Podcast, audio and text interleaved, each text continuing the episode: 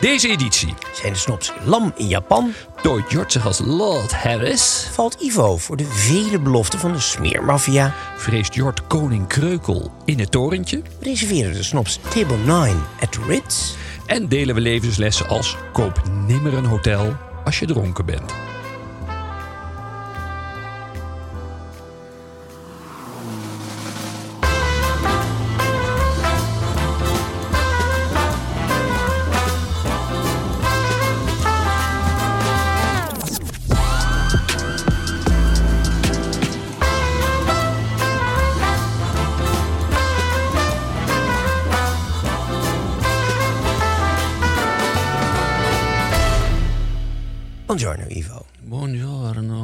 November. Ja, ik wilde eigenlijk afzeggen, want het regende. Ja, en daarom heb ik tegenwoordig dus in de stad op de fiets... ja, met enige tegenzin, fiets eigenlijk liever Ja. niet... maar zo'n petje op. Kan het? Ja, dat is een beetje, roept bij mij de dagen van oom Louis op. Eh, Dat ik op de tractor eh, met hem eh, naar de pruimgaard reed. En, eh, maar dit is een mooie, eh, een Harris Street is dit. Het hè? is een Harris. Ja. Natuurlijk is het een Harris. Want wat is Harris? Even voor de Eh, mensen dus tweet. Je nou. hebt de ene tweet is niet de andere tweet. Komt uit Schotland. Nee, maar je hebt de Schotse, de Ierse, de Engelse tweets. ehm, en dan natuurlijk zijn eh, eh, naamgever, Lord Harris. Die, eh, het gold altijd als, eh, wegens zijn schokbetonnen karakteristiek als eh, utterly informal. En Lord Harris wil daar op een gegeven moment ook een einde aan maken aan dat, aan dat imago. En stapt daarmee in zijn eh, ehm, tweetpak de Royal Enclosure binnen. Ja. Waar Edward VII zit. Oh, dit, de, En eh, die even, doet- De Seven, dus dat is, dat is zeg maar in between the walls. Yes. Ja? En wat doet Edward VII? Oud. Ja. Dus dat je het even weet. Ja, je hebt nog steeds dus eh, never wear brown in town, zou je kunnen zeggen. Eh, ja, Suede is inderdaad voor eh, de weekends. Maar ja, dan kan je ook weer zeggen, Ja. what's a weekend? What's a weekend? De Snopcast. Niet inclusief, maar exclusief. Ivo, ehm, we doen even wat huishoudelijke mededelingen as a starter. We kregen ontzettend veel eh, aanvragen van, eh, van hockeyteams of ze eh, ons gesponsord kunnen gaan worden. Want dat hebben we dus aangeboden. Ja. Ehm, we gaan pas volgende keer in de volgende Snopcast erop terugkomen welk team uitverkoren is. Maar we willen nog wel even de voorwaarden strak zetten. Ehm, na het fluitsignaal heb ik gezegd zo snel mogelijk de bar in. Maar we bedoelen natuurlijk na het fluitsignaal van de start van de wedstrijd. Ja. En het criterium is dus, voordat je gaat zweten, dien je in de bar aanwezig te zijn. Onze sponsoring zal overigens niet uit geld bestaan. Het snoplogo moet, eh, moet op de shirts, maar zal volledig in alcohol worden omgezet. Dozen wijn. We beginnen met twee dozen wijn. En dan bij goed gedrag eh, wordt dat eh, uitgebreid. Die maar voor de wedstrijd genuttigd moeten worden. nou, Aantoonbaar. tijdens. Dus in je ene hand de hockeystick. En het in je andere hand het glas. Oké, we, zijn, we, zijn, we, we zullen niet te streng zijn. Het hoeft niet helemaal vol. Een half vol glas. En zo ga je de wedstrijd in. En ja. daar Hebben we nog eens aan het glas? Ik vind wel spiegelau of wel kristal, toch? Niet zo'n fabrieksglaas. Ja, salto is wel heel uitdagend. Dat is gewoon dat als de wind te hard is, dan eh, gaan de glazen al kapot. Maar ehm, we willen daar wel beeld van. Dus, eh, Zeker. Jongens, komen we op terug. Ja, Volgende keer eh, doe je best. Ehm, en nou, doe eigenlijk juist niet je best. Dat was het idee. Precies. Maar ehm, eh, dan nog de Snop Academy, die wij al een beetje hebben aangekondigd. binnenkort op, zoals dat heet, de socials. Je hebt geen idee wat het is. Doe geen moeite. Ehm, ja. Kun, je, kun je aanmelden. De Snop Academy, wat houdt het in? Nou ja, we gaan ons eerste Snop College geven. En je moet wel even lid worden van de Snop Academy om je collegekaart eh, te krijgen. We gaan het hier, op deze, hier in de buurt, in dit gebouw, gaan we het doen. Op 26 november vanaf eh, drie uur s middags. Wat zijn ook alweer de voorwaarden? Ehm, nou, geen korte broek. Eh, zonder sokken, eh, althans als je sokken niet reiken tot aan je knie, dan sturen we je naar een van de winkels die daarin voorzien. Eh, nou, en we hebben natuurlijk ook nog wat onverwachte verrassingen. Ja, nee, zeker. Het, het wordt heel leuk. Het wordt, het, we hebben dus een, een deel echt eh, academische vorming. Hoe je zo snel mogelijk van de universiteit af kan. Eh, en we hebben natuurlijk het practicum gedeelte. Maar ik wilde eigenlijk zeggen, maar da- daar sta je natuurlijk ver boven. Ja jongens, je moet wel gaan betalen. Dus je wordt lid voor 49 euro. Dan kun je naar het college komen. Moet je nog wel even een, een kaartje kopen. Want anders komt iedereen tegelijk. En dan is die zaal te vol. 15 euro erbij voor het college. Jongens, wat als we over dat geld gaan zeuren. Toch? En waar gaan wij dat geld aan besteden? Willen we toch nog zeggen? Ehm, dat hebben we eigenlijk ook met de veiling laatst van de Goed speciale doel, shirts. toch? Het goede doel is... Wij hebben de laatste tijd te vaak business class gevlogen. Dus wij, wij verlangen terug naar first class. Dus wij zullen dit geld inzetten om onze upgrade te financieren van business naar Dat first. is absoluut een goed doel. Lijkt mij wel, ja. Had jij iets anders in gedacht? Nee, zeker toch? niet. Ja. Het beste doel wat ik kon bedenken. Heeft het eigenlijk nog zin om te zeggen wat ze eigenlijk krijgen voor dat geld? Eh, nee, nee, totale verrassing. Eh, maar eh, nou ja, toch wel iets van caviar. Eh, wat hebben we nog meer Ja, beloofd? dat is op het college. Als je bij die, bij die Oh, ja, 100, ja. 120 gelukkige eerste lichtingstudenten hoort. Nee, nee, maar je krijgt natuurlijk hebben, je krijgt exclusieve toegang tot extra content. Want we gaan extra films voor allerlei dingen gaan we doen. Ehm, Je krijgt eh, aardrijkskunde ook. Je, zeker. We gaan elkaar. eh, de wereld Ja. opnieuw indelen met Ja. onze nieuwe wereldkaart. Daar ben je bij. Je kunt direct contact met ons hebben. Je kunt ons DM'tjes sturen. Wel een beetje rustig aan. Ik ga niet met verjaardagen feliciteren. en Zo, je kan wat. Eh, dan hebben we natuurlijk... Je hebt toegang tot de evenementen. Want anders wordt het gewoon te druk. Dus je moet wel lid zijn van de Snop Academy. En natuurlijk belangrijk, korting op werkkleding. Dus we beginnen met de Snopshop, waarin wij proberen heel scherp eh, goede dingen te gaan inkopen. En daar kun je natuurlijk een forse korting krijgen. Bijvoorbeeld het nieuwe Snop Academy eh, sweatshirt. Eigenlijk waar je in zou kunnen zweten in theorie, maar natuurlijk niet mag. En dat krijg je als je lid bent van de Snop Academy voor een hele scherpe prijs. Verdienen we eigenlijk weer niks aan. sn- Sneu. En we hebben nog een speciale categorie. De? De oppersnop. Oh ja, ja. De, en de oppersnop, die, eh, nou, die krijgt hier voor één keertje een eh, plaats aan onze wand. En we zullen dan ook zijn cv bespreken. En dat is al voor 6,5 mil? Wat is het? Nee, ik geloof 666 euro. Ik Oh. vond het ook te weinig. Oké. Het werd ons door de Tonnies ook ontraad. En zeggen, jongens, het moet wel een beetje duur zijn. Oh, Anders gaat oké. Dus 666 euro. Oké. Want ja, eh, even op een koopje, maar zo zijn wij. Goed. Wat, laten we even eh, maandagochtend, glaasje erbij. Ah. Waar dacht je aan? Nou, ik was bij Taiko, dat restaurant ken je natuurlijk, ons Motel. En mijn eh, geliefde chef Chilo van Koevoorde, die ieder jaar een thema heeft.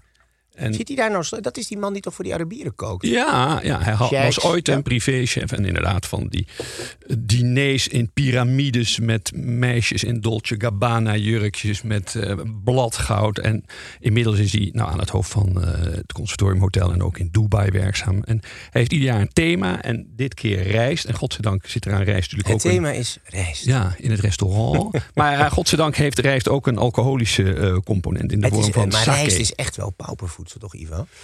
Nou ja, ja, maar goed. Je moet wel de- de mooiste kwalificeren voor de zijn er 30 wel- ja. armste landen. Wil je alleen van rijst leven? Ik vind, het wel, ik vind het wel aardig hoe. Het wordt gewoon echt begin van de mensheid ge- gegeten. En de sake gaat. eh, heb jij enig idee hoe ver dat teruggaat?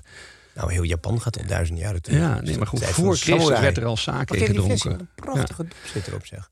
Het leuke is dat. Metalen eh, weet je wat de voorloper van sake was? Dat vond ik zelf wel mooi. Dat was dat Ah. toen eh, Japan kennis kreeg van de rijst uit China en Korea. Ja? Eh, dat was vrij hard. Het was natuurlijk geen drank. Dat, dat kouden ze een minuutje op. En dan zat je in een groepje aan de tafel. En dan kwat je met z'n allen in één bak je, je gekoude rijst. Dat En de verliezende partij En dat liet je een nachtje uit. staan. En dat Oh. begon te gisten. En de volgende dag was het een beetje vloeibaar. En met een soort pincetachtig apparaatje zat je dat te eten. Oh. Ja, en vanaf 1600 zijn ze het gaan brouwen.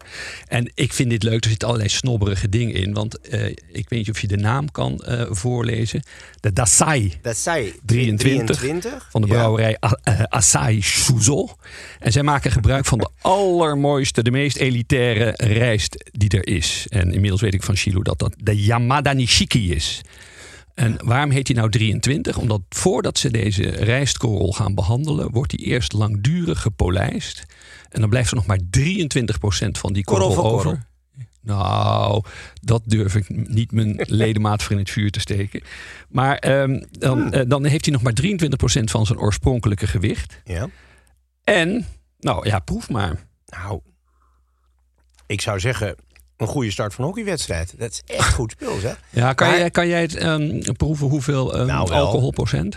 15 of zo? Ja, Meer? heel, heel goed. Heel goed in de 15? buurt. Nee, 16. 16. Ehm, Maar dat... eh, dat en, ver- maar ik drink het bij de, bij de sushi bar altijd warm. Dat mag niet, hè? nee, Dus als je een petje in de niet. studio ook niet op Nee, mag. nee, geen warme de. Japanners, eh, nee, die kijken je dan heel minzaam aan. Het is ook sowieso, als je als westerling in. Tokio op de vismarkt in een sushi-bar zit, dan leer je pas hoe je sushi moet eten. Al die Nederlanders die, die pakken dat sushi-brokje, pletten dat met rijst Wat? in de soja. Ja, ja lekker. En een, een Japanner trekt dan echt eh, de wenkbrauwen tot zijn kruin naar boven als hij dat ziet. Want de Japanner die legt het stukje vis aan de, eh, in de soja. Die geeft een aaitje aan het soja-oppervlak, waardoor die rijst niet uit elkaar flikkert. Mm. Iedereen zit hier altijd met bakken rijst in zijn soja. ja. Dus leer van de Japanners en leer van deze Dasai. Ja. Bedoel, wordt het goed verkocht? eh? Nou, ik hoorde Nederland, net dat de afgelopen tien jaar in New York de omzet in sake is verviervoudigd. Mhm. Ook omdat ze kwalitatief eh, beter zijn. En daar zitten veel verhalen. Want Volgens mij word je er nog dikker van dan van gewone wijn. Nou, eh, het voelt een is dat Chilo ja. zegt dat hij na acht glazen Bourgogne heb je de volgende ochtend Ja. toch wel even eh, dat je moet knipperen met de ogen. Maar je gaat van sake ga je, als je te veel drinkt, ga je een beetje Chilo zo zweven. bekijken heeft hij ook wel eens een glaasje sake op, toch? Nou, hij is ervaringsdeskundige, ja. Aha. Ja. Nou, Ivo, heerlijk. Sake. Wat doen we? Moet ik sake? Sake. Sake. Sake. Ja. Oké. Arigato. Ben je ook een matige man? Laat je snop voeden dan. Mail je vraag naar de snopkast at tonymedia.nl We gaan snopvoeden. Hebben we eigenlijk al een beetje gedaan natuurlijk. eh, door dit eh, maandagochtendglas. Maar we hebben een vraag van ene Mhm. eh, Mark Brinkman uit Den Haag. Eh, hij doet een pleidooi voor de le- leren schoen. Beste Jort en Ivo. Zowel op kantoor als ook in privé-tijd dragen steeds meer mensen de vaak witte sneakers... in plaats van een elegante leren schoen van een van de bekende merken. Hoewel de sneaker eerst alleen nog werd gedragen door kinderen en junior medewerkers zien we de laatste jaren dat de sneaker ook is ontdekt door de hogere managementlaag. Dat zegt dan technisch altijd C-level. Sea-level. En, ja. eh, en zelfs de leden van de boardroom. Moet ik nu meegaan, of beter gezegd, toegeven aan deze trend... of toch vasthouden aan mijn chique lederen schoeisel? Ik zie met belangstelling uw reactie tegemoet. Ja.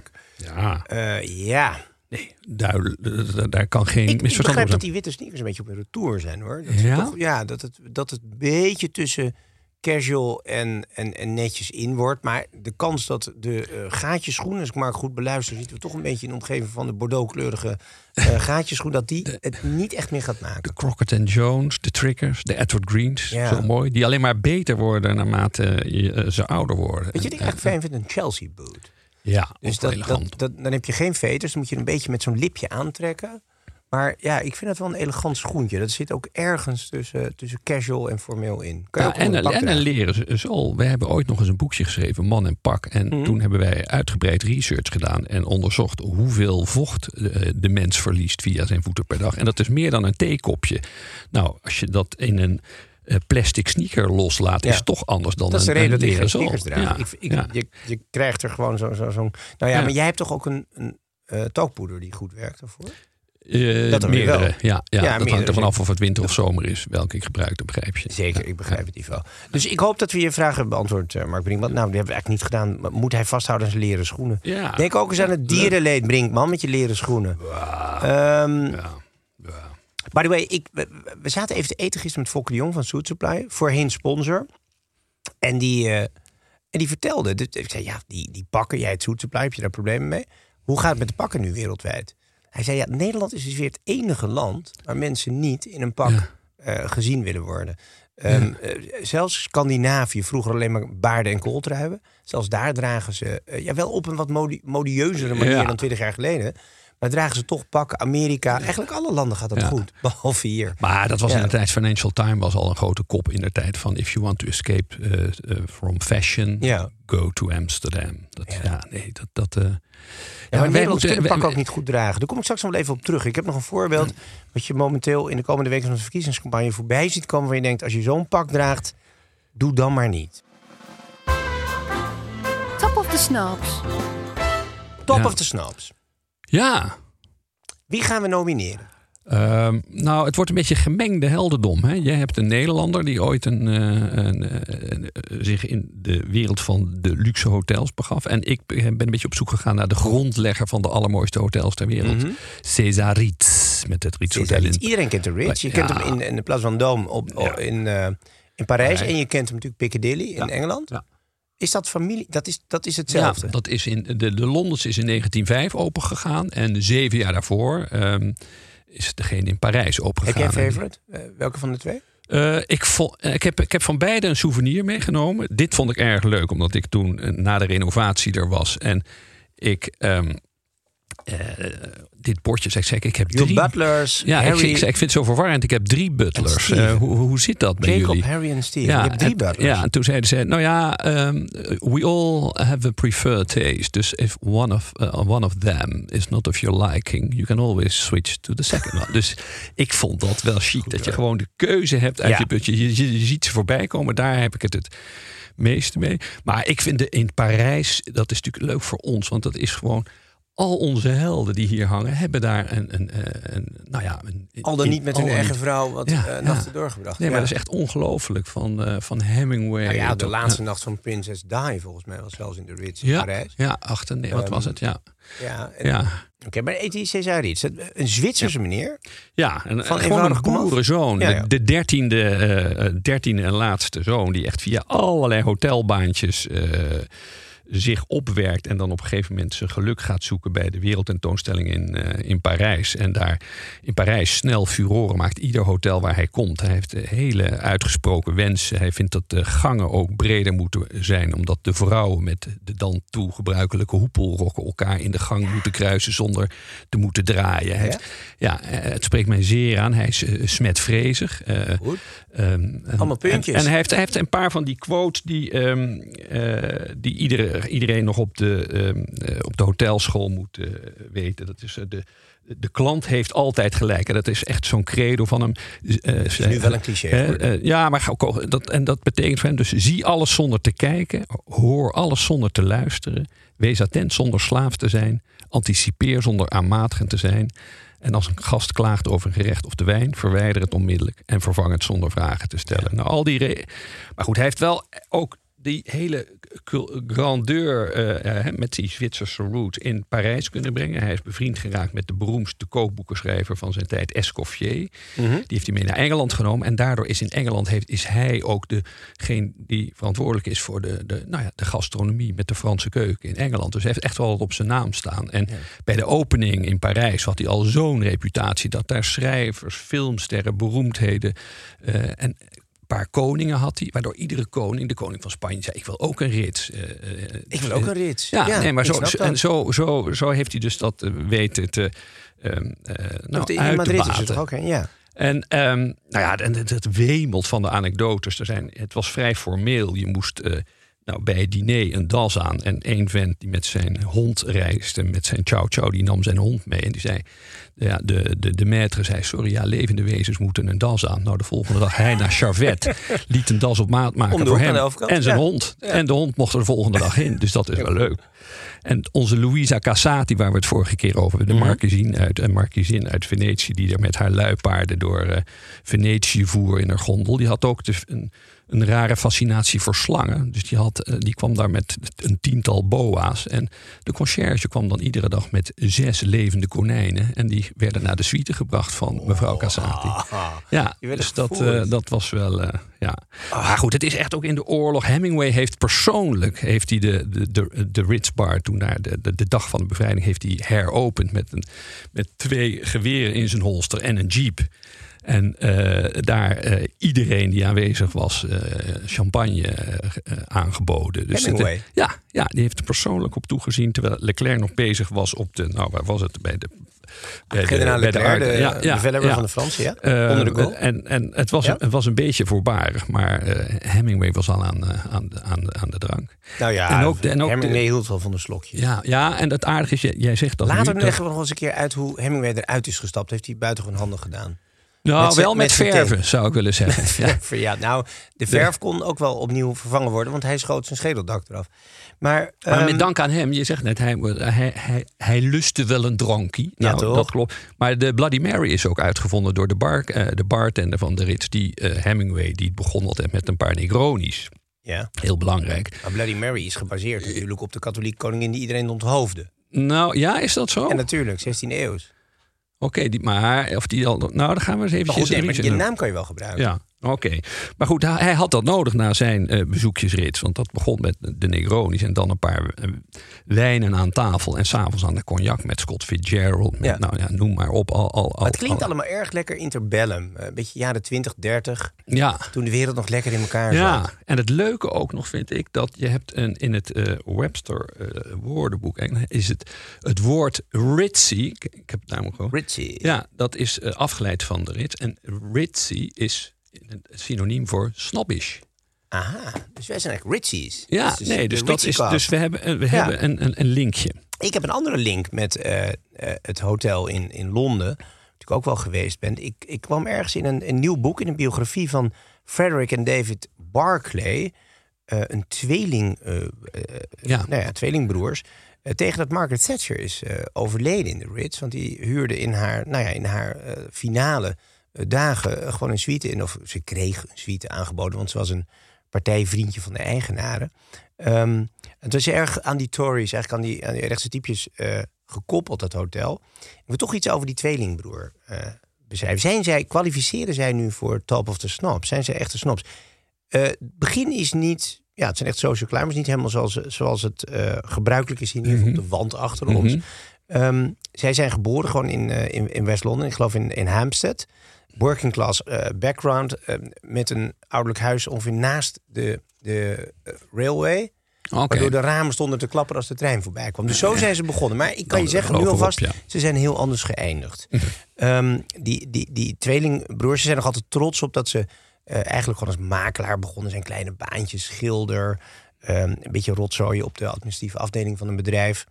Maar al snel in de jaren 60 in het Londen, dat, dat toen aan het groeien was, in, in het vastgoed beland, in stenen beland. En dan op enig moment in de jaren 90 kopen ze het Ritz Hotel. Niet, ons, het, niet het allereerste bezit, maar wel het eerste echt grote bezit. Ik geloof voor 75 miljoen. Inmiddels, zeg ik ook al meteen cliffhangertje, zijn ze het kwijt aan eh, Qatar-meneer. Ah, ja, ja, weliswaar voor de tienvoudige prijs, maar toch. En die Barclay-broers, die, die, die, ja, op zich kwalificeren ze wel voor onze snop. Want waarom? Eén, eh, de mannen eh, wonen offshore. Ze zijn absoluut eh, financieel dubieus. Ze zijn, Ja. ze zijn niet goed te vinden. Heel veel vennootschappen ehm, hebben een, een eilandje gekocht dat 80 meter van Sark ligt. Sark Oh ja, ja, ja. is dus bij, bij Guernsey en zo in de beurt, zeg maar, tegen de Franse kust, Engels grondgebied. En hebben ze op Brecu, heet het, Fort Brecu, hebben ze een, een, een nepkasteel gebouwd in de jaren 90 voor 60 miljoen pond. Ze hebben dat gekocht om fiscaal natuurlijk onzichtbaar te zijn. Want Sark had, tot voor kort, hadden zij daar nog de droit de seigneur. Dus hadden ze nog het middeleeuwse recht. Ja? Waarbij de dorpsoudste natuurlijk recht had op alle maagden. En ook op zoveel kip en varkens per jaar. En eh, zij gingen daar dus wonen. Nou ja, fiscaal onzichtbaar, prettig. Ehm, eigenaar geworden, niet alleen van de Ritz, maar ook van de Telegraph. Telegraph is natuurlijk een beetje het club, een beetje Telegraaf van Ja. Engeland. Clubblad van rechts. Daar zijn ze eigenaar van geworden. En in de Ritz hadden ze bijvoorbeeld, ik weet niet of jij dat wist. Wat is de beste tafel in de Ritz? Ehm, nee, dat heb ik even Table niet. maar- 9. Table 9. Table 9 Ja. zaten zij altijd Ja. of de Royal Family. Verder mag niemand Oh, daar zitten. En het waren zulke nare mannetjes, dus humble roots. Ze deden heel netjes. Echt zo'n tweelingbroer met ja, identieke eh, een eigen Ja, ik heb als dasjes gezien En ja, nou ja, heel eh, een beetje Escort-stijl. Zo, zo liepen ze altijd bij. Ehm, maar ze hadden bijvoorbeeld ook een trucje dat als een vergadering eh, met al hun deals die ze moesten doen, een vergadering niet te lang mocht duren, namen ze een klein sigaartje dat ze rookten.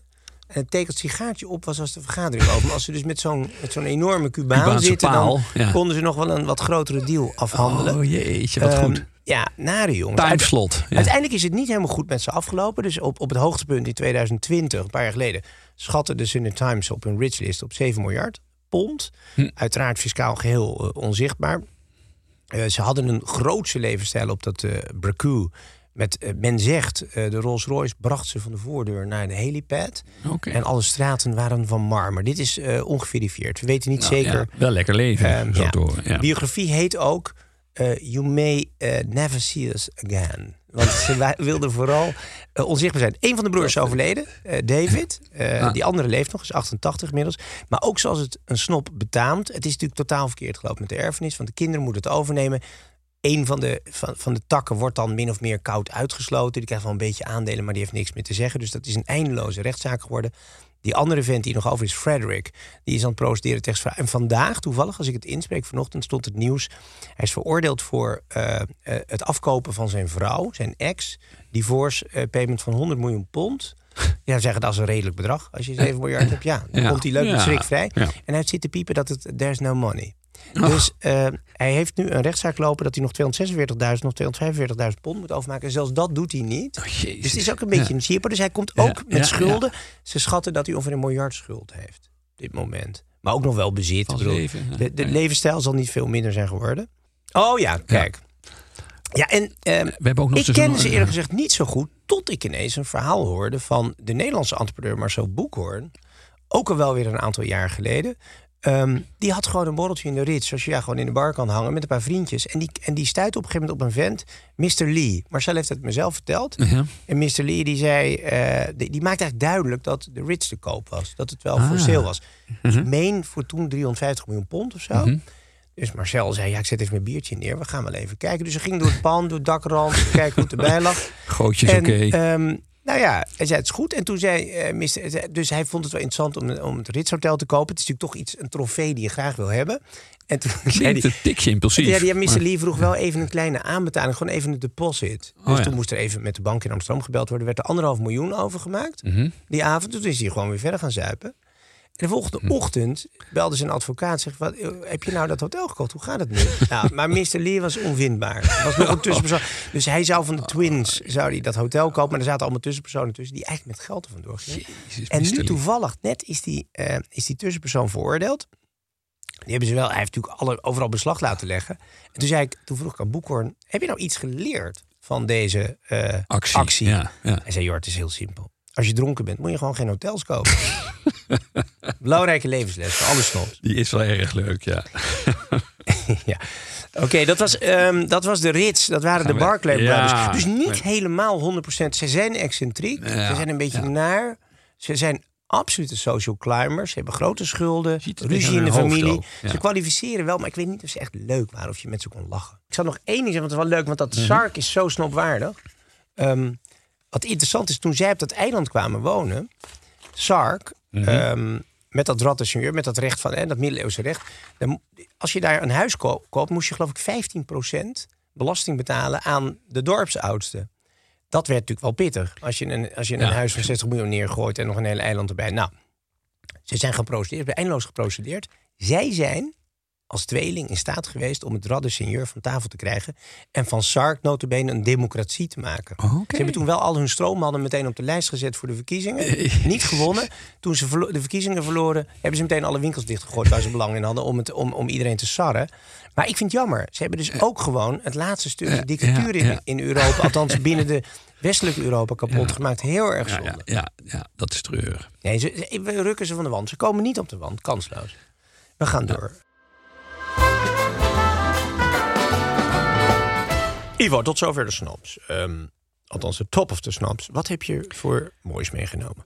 Nou, ik heb een, een, klein eh, cadeautje voor je. eh, van John Kooijman, die ken je niet. Maar die eh runt ik, zit, ik zit deels in de cosmetica branche, zoals je weet.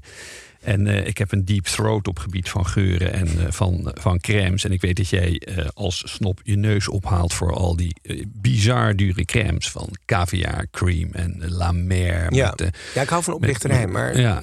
Ja. Ja. en dit, hij bezweert mij dat de- deze crème... Ik zei dat jij wel eens een beetje getergd door het leven gaat. Dat als jij je scheert, er Ja. soms bij loopt... alsof je in een brandnetelveld Ja, de bent meisjes gevallen. van de visagie zeggen altijd... wat is er met je huid aan de hand? Ja. Ik zeg, schat, het is de alcohol.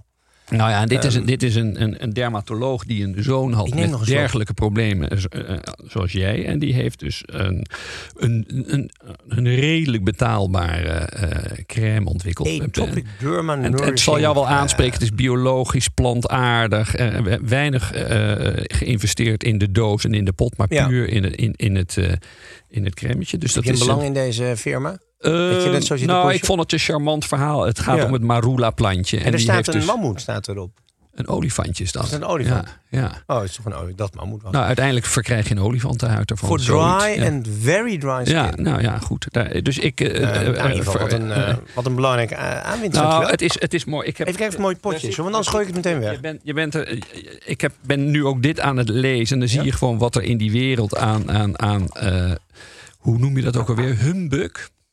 Gewoon zoveel... On, hè, hoe noem je dat? De onzin dingetjes. De, de, de- de- Arlen. Met een soort maar het nephouten wordt, vol- we gaan nu een, we gaan een test met jou doen. Kijken of, het na, of jij nou nu aan, na een maand helemaal gelukkig Nou, bent. En dat ja, je de, proberen, de wintersport St. Bart's...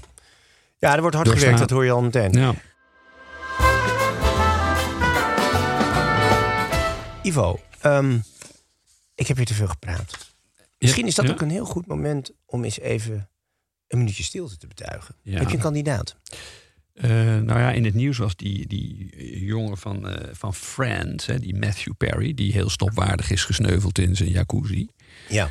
Maar eh, dat is misschien toch een beetje macaber om daar al te lang bij stil te staan. Maar Worden mensen heel boos misschien, hè? we hebben natuurlijk toch nog in onze aderen het, dat boekje van ons stromen, man en pak. En daar hebben we toen een paar mensen flink van langs gegeven. Maar dat gloeit nu langzaam weer bij mij op. Dat, eh, als ik bekijk nu naar Werk aan de winkel, hè? hoe onze eh, eh, aanstormende premier eh, eruit ziet, dan denk ik, jeetje mina. Ja, Dat dan hebben we dus over Frans Timmermans. ja, Ja, ja. ja je Ja. moet maar eens even kijken als hij in debat is. En dan moet je. Kijk, mannen met pakken. De bovenkant valt meestal nog wel mee. De proof of the pudding zit altijd in het kruis. Want dan zie je Ja. zo'n kreukelzone van dat goedkope pak. De pijpen, hoe wijd dat valt. Nou goed, daar, Mhm. daar komt het eigenlijk op aan. En de schouder, ja, dat snappen ze niet. Maar als je een, een matig pak, zo'n vierkant pak met van die kartonnen schouders... dan Ja. ziet het er op de foto op het afstandje nog wel redelijk uit. ja. Het leeft niet. Maar kijk, hij heeft natuurlijk zijn figuur niet mee. Mhm. Alleen hij maakt natuurlijk één grote fout. Ze willen heel graag dat hij, nou ja, eh premiersmateriaal is. Dus dat hij, dat hij, eh, dat ja, mensen denken van hij wordt onze nieuwe seniorenman uit eh, Brussel ingevlogen. Nou, het feit dat hij er als kapitein Iglo uitziet en, en, en een enorme pens heeft, dat, dat helpt natuurlijk niet. Maar hij maakt weer die typische fout. Heel goedkoop pak. Ja. Eh, ja, hoe, wa- waar doet hij aan. Nou ja, en ook, ook die mouwen die weer tot de vingerkootjes eh Ja. reiken. Dat je denkt van wie is er nou niet één iemand in die contraille die daar, hem daarop wijst? Dat hij Kun, daar, je, kun ja. je met zijn postuur, laten we zeggen 110 kilo eh, rond, kun je daar met een goede kleermaker iets van maken? Want je ziet ook bij hem, ja, het, is Ja. een soort, het is een soort opgedroogde aardappelzak. Ja, nou ja, dat gaat natuurlijk. Dat is het punt dat juist zo iemand als hij heeft een, een kleermaker nodig. Ja. En eh, ik geloof nou niet dat dat eh, hoog genoteerd staat in zijn. eh, Nou ja, voor die drie ton die hij als wachtgeld pakt, zouden wel een kleermakertje af moeten kunnen, toch? Ehm, en, hij wij heeft, ons- en, en hij maakt de andere fout. Hij denkt, nou ja, dat valt natuurlijk niet goed bij mijn achterban als ik een das omdoe. Dat is een groot Nee. misverstand. Hoe armer de mensen, hoe meer afstand ze hopen van de macht. Ja, ja, Eh, Een rechter heeft niet voor niks een toga. Ze vinden het mooi als een koning een, mant, een, een eh, hermelijnen mantel aan heeft... en een premier gewoon op bepaalde momenten, hoeft niet als hij thuis is, maar een dasje. Ivo, we zijn er door. Wat hadden we? Nog een slotcitaat, hè? Of Natuurlijk. niet? Ja, Laat het monumentaal zijn. ja, ja, ja. ja. Nou, eh neem ik nog een monumentaal slokje. is het. eh, eh, is niet slokcitaatje monumentaal, maar een van de, een van de zoals ik al eerder vertelde, je, je hebt Lekker natuurlijk hoor, bij- jeetje. Ja, maar dat mag ook wel voor die prijs. Serieus? Ik heb niet naar het geld gevraagd, maar nee, ik vind het nee, goed. heel goed om niet aan te vragen. Maar dit is, dit is, dit is het eh, prijsniveau van een Chateau d'Yquem. Joh, 265 euro. daar gaan we toch naartoe. Ja. Met rijstwijn. Eh, de Rits heeft natuurlijk een paar hele beroemde je klanten. over die gehad. rit? Ja, want het slotcitaat heeft daarmee te maken. We moeten eigenlijk eens een keer een hotelrubriek beginnen over... Laten we dat over doen. Over Lekkere de, bedjes. over, de, oh over de allerslechtste bedden ter wereld die Nou, we hebben ik meegemaakt. heb En de paar. allerbeste bedden. Dat is er misschien. En met wie en zo. Maar goed, ga Nou. door. Wat was je citaat? Ehm, nou, Proest heeft daar minder lang gewoond dan Coco Chanel. Chanel had haar eigen appartement in de Rue Cambon... en stak over naar haar appartement voor 34 jaar lang in de Rits gewoond. Dat is toch wel bijzonder. Maar Proest was vast eh, stamgast, was ook bij de opening. En ehm, eh, op de dag dat hij stierf... eh, heeft hij zijn chauffeur Odilon naar het hotel gestuurd... om zijn favoriete bier te halen. Bier. Ja, zijn favoriet. eh, Proest dronk veel bier tijdens het schrijven. En eh, dat werd altijd speciaal voor Proest op, een, eh, op ijs bewaard. Iets kouder dan eh, te doen gebruikelijk.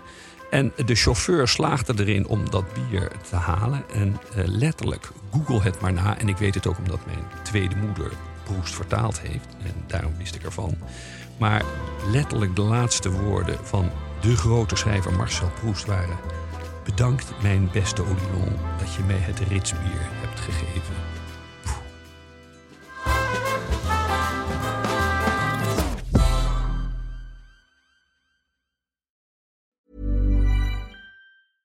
Ruben, Tijl, Ruben, Tijl. Wacht Ruben, even, zijn er Tijl, nou twee Ruben. Tels of twee Rubens? Twee Rubens, één tel. Drie mannen. Eén midlife crisis. De meeste mannen dragen dan niks meer bij in de maatschappij. En die gaan motorrijden. Ja, maar wij nemen een podcast op. Dus luister. Om de vrijdag naar Ruben Tel Ruben. De podcast!